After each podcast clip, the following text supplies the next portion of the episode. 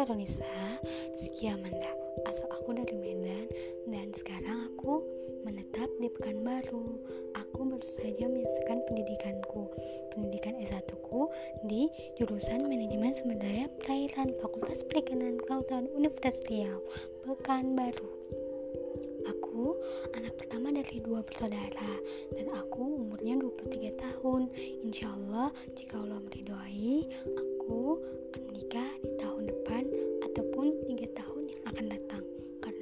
bagiku adalah sebuah suatu ibadah yang panjang perjalanannya yang disebut dengan perjanjian miskan koalizan yaitu perjanjian yang akan kamu tanggung jawabkan di dunia maupun di akhirat.